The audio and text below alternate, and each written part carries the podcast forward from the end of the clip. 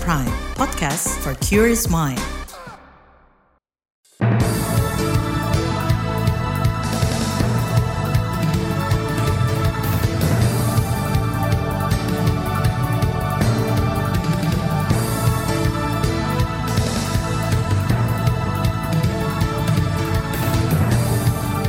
Selamat pagi saudara, senang sekali kami bisa menjumpai Anda melalui program Buletin Pagi edisi Senin 5 Juni 2023. Saya Naomi Liandra. Sejumlah informasi pilihan telah kami siapkan di antaranya, satu kasus kekerasan seksual terjadi setiap minggu di sekolah. Rakernas Golkar beri mandat Ketua Umum menentukan calon presiden. Dua kelompok massa bentrok, sejumlah lokasi di Yogyakarta sempat mencekam. Inilah Buletin Pagi selengkapnya terbaru di Buletin Pagi. Saudara, hasil pendataan Federasi Serikat Guru Indonesia FSGI menyimpulkan sejak Januari lalu ada 22 kasus kekerasan seksual di satuan pendidikan. Satuan pendidikan yang dimaksud berada di bawah kewenangan Kemendikbudristek dan Kementerian Agama.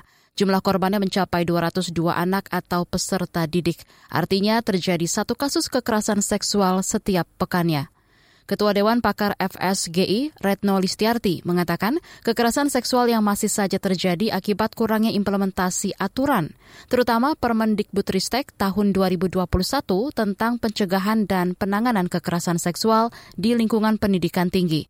Lalu, Peraturan Menteri Agama tahun 2022 tentang penanganan kekerasan seksual di satuan pendidikan. Retno mencontohkan, belum semua satuan pendidikan membentuk Satgas Pencegahan Kekerasan Seksual. Padahal dengan membentuk satgas, kemudian sekolah harus membuat portal pengaduan. Setelah membuat portal pengaduan, maka sekolah ini uh, akan juga bekerja sama dengan pihak lain seperti uh, psikolog gitu ya psikologi apa dari lembaga psikologi atau apa baik pemilik pemerintah maupun bukan. Jadi ini sebenarnya harus uh, menjadi benteng bagi uh, pencegahan gitu. Karena kalau uh, sudah kuat pada pada pencegahan, hmm. itu sebenarnya pelaku juga mikir-mikir melakukan. Ketua Dewan Pakar FSGI Retno Listiarti mendesak pemerintah memperketat pengawasan terutama pengimplementasian pencegahan kekerasan seksual sesuai regulasi yang ada. Federasi Serikat Guru Indonesia memaparkan 13 modus yang dilakukan pelaku. Salah satunya, pelaku berpura-pura menikahi korban secara siri tanpa wali dan saksi nikah.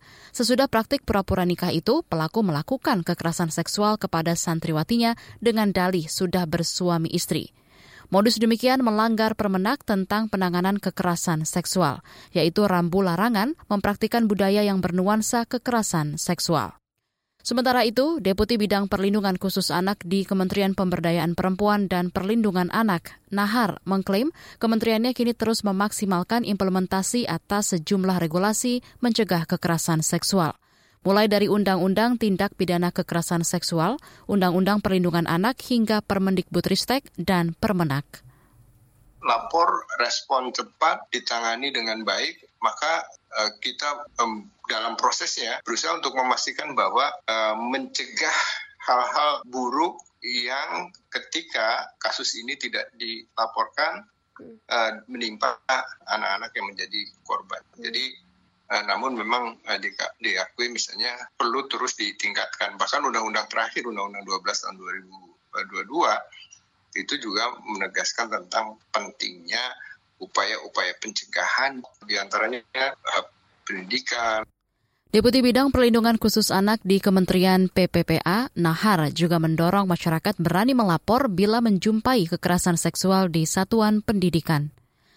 Di lain pihak, anggota Komisi Bidang Agama di DPR Iskan Kolbalubis mengingatkan mayoritas madrasah, pondok pesantren, dan satuan pendidikan keagamaan justru tidak dikelola Kementerian Agama. Kondisi demikian mempersulit pengawasan karena pondok pesantrennya tertutup bahkan sulit dijangkau. 90 persen pesantren-pesantren itu tidak tidak dikelola Kementerian Agama dalam arti kan dia tidak bisa mengontrol sistemnya, pengawasannya dan seterusnya yang pertama. Jadi hmm.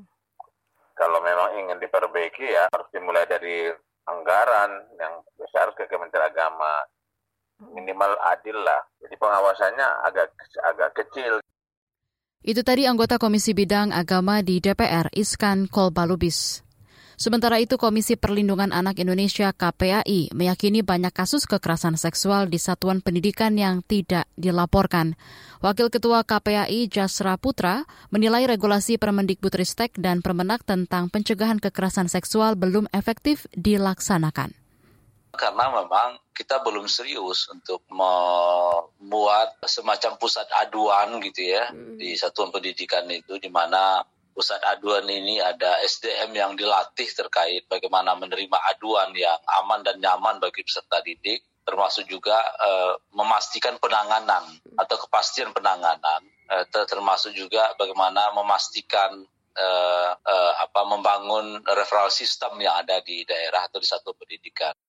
Wakil Ketua KPAI Jasra Putra menambahkan kasus kekerasan seksual di satuan pendidikan di bawah kewenangan Kemendikbudristek dan Kementerian Agama harus diselesaikan bersama. Apalagi masih banyak sekolah menutup-nutupi kasus kekerasan seksual lantaran dianggap aib tercela. Saudara, Rakernas Golkar beri mandat Ketua Umum menentukan calon presiden. Informasinya akan kami sampaikan sesaat lagi. Tetaplah di Buletin Pagi KBR. You're listening to KBR Pride, podcast for curious mind. Enjoy!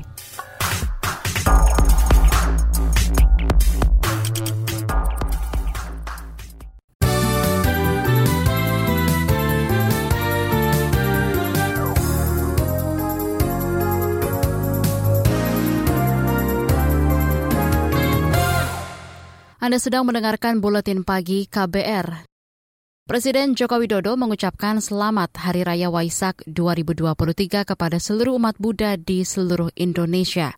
Melalui cuitan di akun Twitternya, Jokowi mendoakan agar semua makhluk hidup berbahagia. Presiden juga menyinggung pelaksanaan ritual tudong yang dilakukan para biksu berbagai negara dalam beberapa pekan terakhir. Jokowi menyebut ritual tudong yang melibatkan sejumlah biksu yang berjalan kaki ribuan kilometer dari negaranya menuju Candi Borobudur di Magelang, Provinsi Jawa Tengah, mendapatkan sambutan hangat dari masyarakat Indonesia. Sementara itu, Wakil Menteri Agama Zainud Tauhid saat sambutan perayaan Waisak di Candi Borobudur, Jawa Tengah, mengingatkan pentingnya menjaga toleransi karena Indonesia bangsa yang majemuk. Menurut Zainud, bila menjunjung tinggi sikap toleran, maka keyakinan masing-masing individu tidak akan gugur.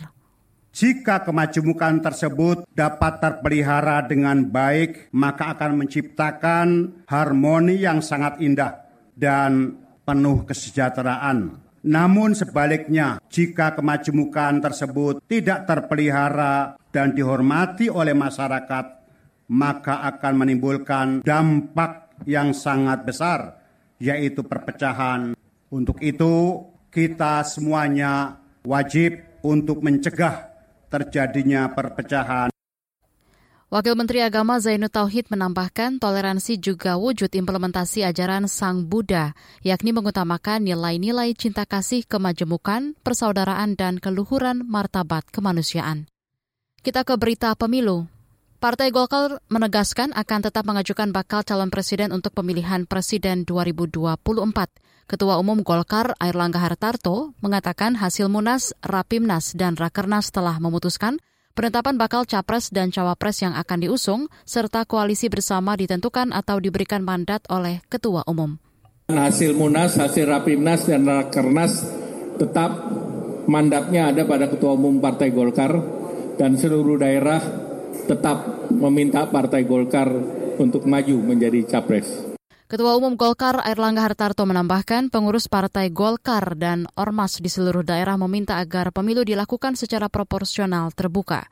Partai Golkar juga mengubah cara penulisan bakal caleg yang awalnya berdasarkan urutan abjad menjadi berdasarkan nomor urut. Lembaga Survei Indikator Politik Indonesia IPI mengukur elektabilitas dua dari tiga calon presiden yang berkompetisi hingga pemilu putaran kedua. Direktur Eksekutif IP, Burhanuddin Muhtadi menyebut bila di putaran kedua Anies Baswedan versus Ganjar Pranowo, maka suara Ganjar akan lebih banyak. Sedangkan bila Anies versus Prabowo, maka Prabowo lebih diunggulkan.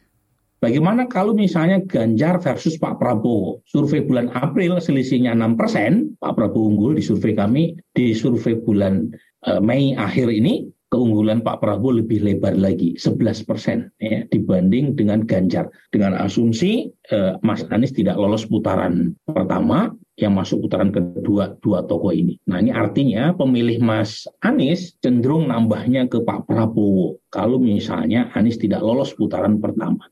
Direktur Eksekutif IP Burhanuddin Mutadi mengatakan pemilih generasi Z usia 17 hingga 21 tahun lebih banyak ke Prabowo. Pemilih usia 22 tahun ke atas lebih banyak ke Ganjar. Survei Indikator Politik Indonesia dilakukan akhir Mei dengan responden 1.200-an orang. Beralih ke topik lain, Ribuan buruh dari Jabodetabek hari ini akan berunjuk rasa di luar gedung Mahkamah Konstitusi dan Istana Negara Jakarta. Presiden Partai Buruh Said Iqbal menjelaskan aksi demo ini bertepatan dengan sidang kedua uji formil Undang-Undang Cipta Kerja di MK. Said Iqbal menyebut pula beberapa tuntutan lainnya. Satu, cabut Omnibus Law Undang-Undang Cipta Kerja. Dua, revisi undang-undang terkait parliamentary threshold 4% yang juga harus dimaknai 4% dari eh, jumlah kursi di DPR RI, tidak hanya suara sah nasional. Yang ketiga, paket yang ketiga adalah eh, cabut presidensial threshold 20%. Ini Partai Buruh menganggapnya tiga paket undang-undang yang bersifat demokrasi terpimpin, mengancam masa depan demokrasi. Presiden Partai Buruh Said Iqbal menambahkan aksi demo buruh juga akan menyuarakan tolak pembahasan RUU Kesehatan dan percepatan pengesahan RUU Perlindungan Pekerja Rumah Tangga. Setelah aksi hari ini, Partai Buruh juga akan mengorganisasi aksi bergelombang di berbagai provinsi. Beralih ke berita mancanegara, Tim penyelidik fokus mencari penyebab tabrakan kereta di distrik Odisha, India. Mereka menyelidiki kesalahan manusia, kegagalan sinyal, dan penyebab lain tabrakan tiga kereta itu. Kecelakaan terjadi Jumat pekan lalu, menewaskan sedikitnya 288 orang dan 1.100 lainnya luka-luka. Perdana Menteri Narendra Modi yang sempat menjenguk para korban di rumah sakit mengatakan tragedi ini sangat serius bagi pemerintah. Modi juga menjanjikan hukuman berat bagi pelaku penyebab tabrakan kereta paling mematikan dalam dua dekade. Dugaan sementara Direktur Eksekutif Kereta Api India, Amitabh Sarma, menyebut dua penumpang terlibat aktif menjadi penyebab kecelakaan kereta. Begitu juga kereta ketiga, yakni kereta barang yang terpakir di lokasi, juga diduga menjadi penyebab kecelakaan. Beralih ke berita olahraga, Indonesia menduduki peringkat pertama klasemen sementara perolehan medali ASEAN Para Games 2023 Kamboja. Hingga Ahad siang kemarin, 10 emas diraih melalui bulu tangkis nomor beregu putra, para atletik, angkat berat, dan renang. Dua emas dipersembahkan atlet para atletik. Vigo Saputra untuk lompat jauh putra dan Suparniati tolak peluru putri. Atlet andalan Indonesia Ninengah Widiasih menyumbang dua emas yaitu untuk angkatan terbaik dan total angkatan kelas hingga 45 kg. Tambahan emas juga datang dari para renang yang memborong empat emas, di antaranya Zaki Zulkarnain pada nomor 100 meter gaya dada putra dan Jendi Panggabean pada nomor 400 meter gaya bebas putra. Klasemen sementara ASEAN Para Games 2023 Kamboja hingga pagi ini, Indonesia berada di peringkat pertama dengan 31 emas, Vietnam 18 emas, dan Thailand 15 emas. Di bagian berikutnya kami hadirkan laporan khas KBR bertajuk Cara Unik Bermusik ala Oscar Bambo. Tetaplah di Buletin Pagi KBR. You're listening to KBR Pride, podcast for curious mind. Enjoy!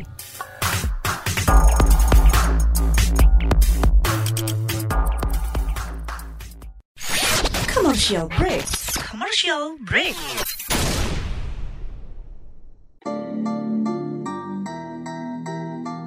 Come on yo. Buat yang sukanya berhoax, you better listen to this one. Check this one out yo. Hati-hati kalau baca kabar Hoax. Jangan langsung disebar kabar yang Hoax. Kalau mau tahu kabar benar atau Hoax. Dengerin cek fakta yang pasti bukan Hoax. Dengerinnya setiap Senin yang jelas bukan Hoax. Cuma ada di kbrprime.id dan aplikasi podcast lainnya. Hoax. Sudah cukup-cukup hoaxnya? Hoax. Cukup. Jaga emosi, tahan jari, verifikasi sebelum dibagi. Saya Aribo Sasmito, Ketua Komite Pemeriksa Fakta Mafindo. KBR Prime, podcast for curious mind.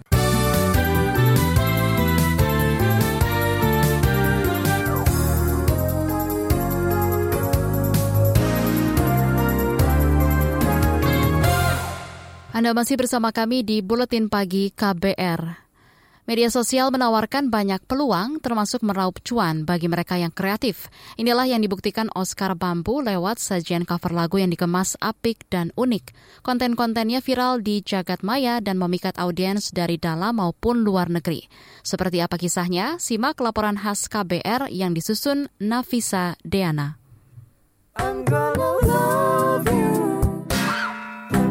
Ini adalah cuplikan cover lagu Megan Trainor dan John Legend yang berjudul Like I'm Gonna Lose You. Lagu itu dinyanyikan ulang dan diunggah di media sosial Oscar Bambu. Videonya di TikTok sudah ditonton lebih dari 50 juta kali sejak dirilis Oktober 2022 lalu.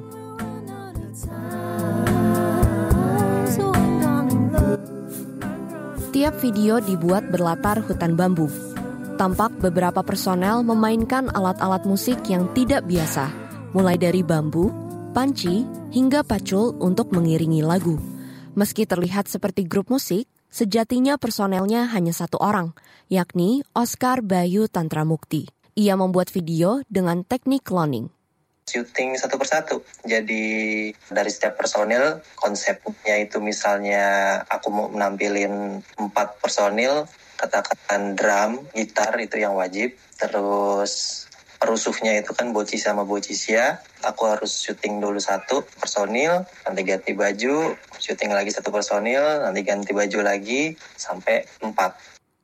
Tiap anggota yang adalah Oscar juga dinamai sesuai dengan alat musik yang dimainkan.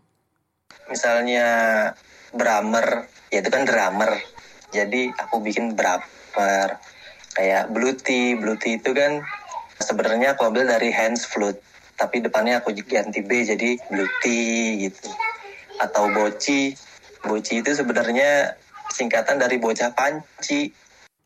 Di awal konten, Oscar susah payah membuat video yang berdurasi sekitar 40 detik. Pria 32 tahun ini harus menempuh perjalanan satu jam dari rumahnya di Bekasi ke kawasan hutan bambu di Banten. Lokasi tersebut dipilih karena bisa dibikin konten unik. Oscar pun familiar dengan kawasan itu lantaran pernah bekerja di sana. Jadi kebetulan juga aku suka ngehubungin apa pun yang e, berawalan B gitu. Aku pernah tinggal di Bandung, di Bekasi, pas banget sama huruf depan nama aku yang Bayu. Akhirnya dihubungin sama bambu, jadi matching. Dari hasil konten, Oscar bisa mengantongi 6 hingga 8 juta per bulan.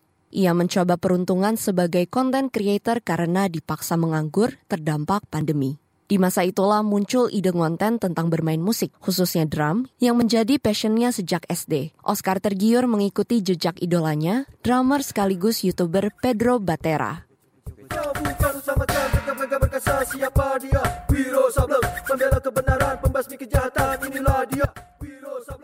Cover lagu sinetron Wiro Sableng ini menjadi konten pertama yang viral dan sudah ditonton lebih dari 3,5 juta kali di YouTube. Sayang, Oscar tak bisa meraup cuan karena terganjal masalah hak cipta. Kondisi ini membuatnya terpuruk. Sampai itu gade motor di orang sini, cuman buat biar bisa lanjut. Aku benar-benar punya mimpi untuk menjadi seorang konten creator yang konsisten. Di masa-masa sulit itu, Oscar memutuskan untuk berhenti ngonten. Sebagai karya terakhir, ia membuat video cover lagu Ed Sheeran berjudul Dive. Tak disangka, konten ini diunggah ulang oleh Ed Dagelan, akun Instagram populer dengan puluhan ribu pengikut. Konten yang mulanya untuk perpisahan justru menjadi awal kesuksesan. Endorse mulai masuk, lumayan ke recover. Akhirnya dari situ pun, malah traffic YouTube pun bisa sembuh gitu. Orang-orang jadi penasaran kan yang dari ngelihat dari TikTok dari Instagram akhirnya malah lari ke YouTube. Akhirnya dari YouTube pun juga ada penghasilan. Oscar kian antusias berinovasi misalnya menggandeng konten creator dari negara lain. Popularitasnya kian terkerek yang terakhir juga aku coba cover lagu Jepang, itu kolaboratornya dari Indonesia, seorang cosplayer. Viewsnya di 10 juta views, konsisten secara kualitas masih bisa aku pegang gitu. Lewat cover lagu, Oscar ingin mengangkat nama Indonesia di kancah global konten kreator kreatif yang komedi kayak aku gini banyak di Indonesia. Tapi kebetulan yang beruntung untuk dapat traffic keluar itu nggak banyak gitu. Jadi itulah salah satunya aku senang mendapatkan penonton dari luar. Aku juga punya misi mau ngibarin benderaku di mata orang-orang luar gitu. Masih banyak mimpi Oscar yang menunggu dieksekusi, termasuk membuat lagu sendiri tetapi dikemas dengan unik prospek utama itu tetap bakal di YouTube. Rencananya selain bikin short movie, itu aku udah nyiapin single perdana aku gitu. Jadi nanti short movie-nya yang menjadi original soundtrack-nya pun adalah single perdana aku gitu. Demikian laporan khas KBR. Saya Nafisa Deana. Informasi dari berbagai daerah akan hadir usai jeda. Tetaplah bersama Buletin Pagi KBR. You're listening to KBR Pride, podcast for curious mind. Enjoy!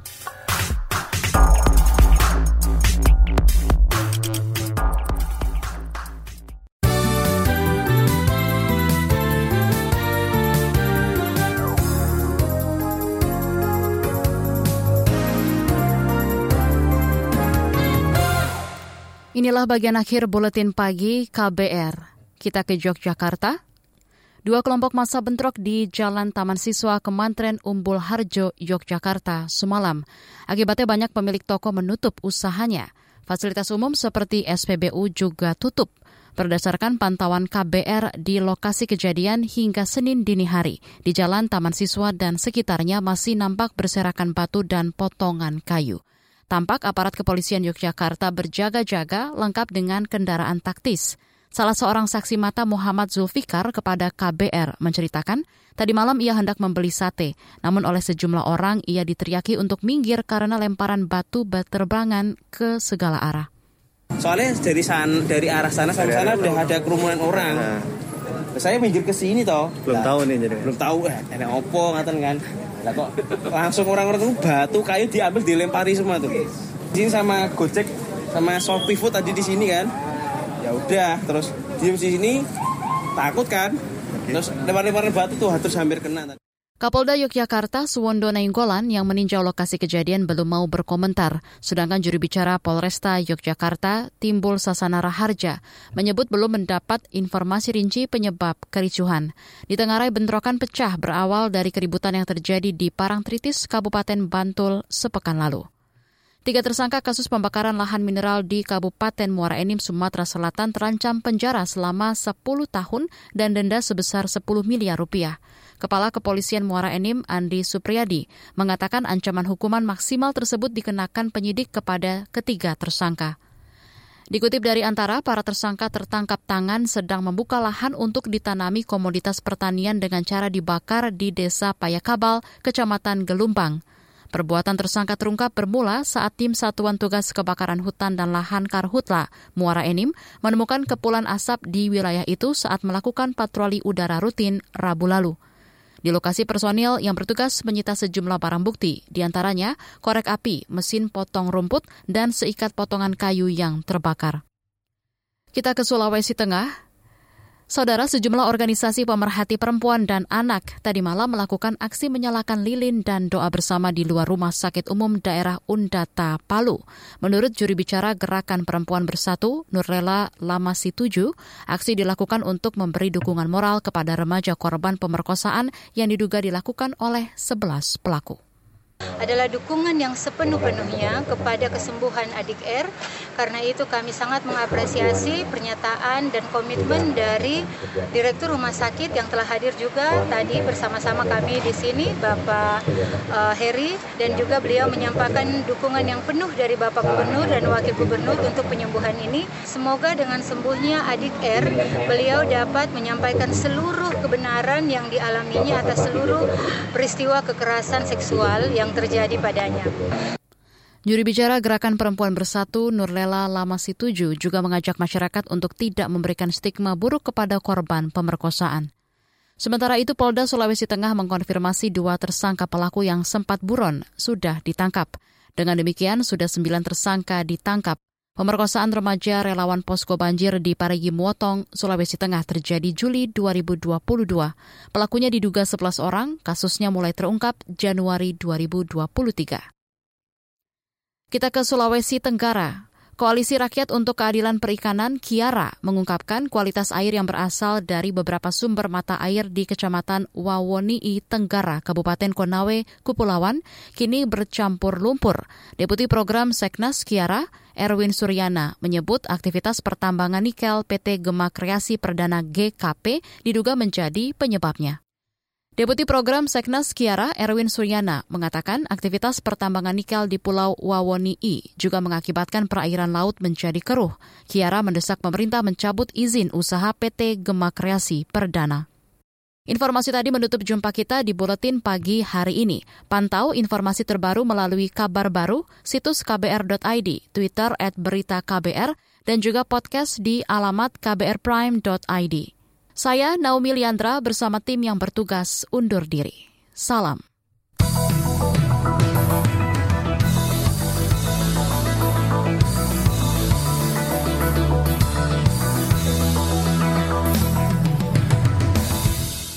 KBR Prime, cara asik mendengar berita. KBR Prime, podcast for curious mind.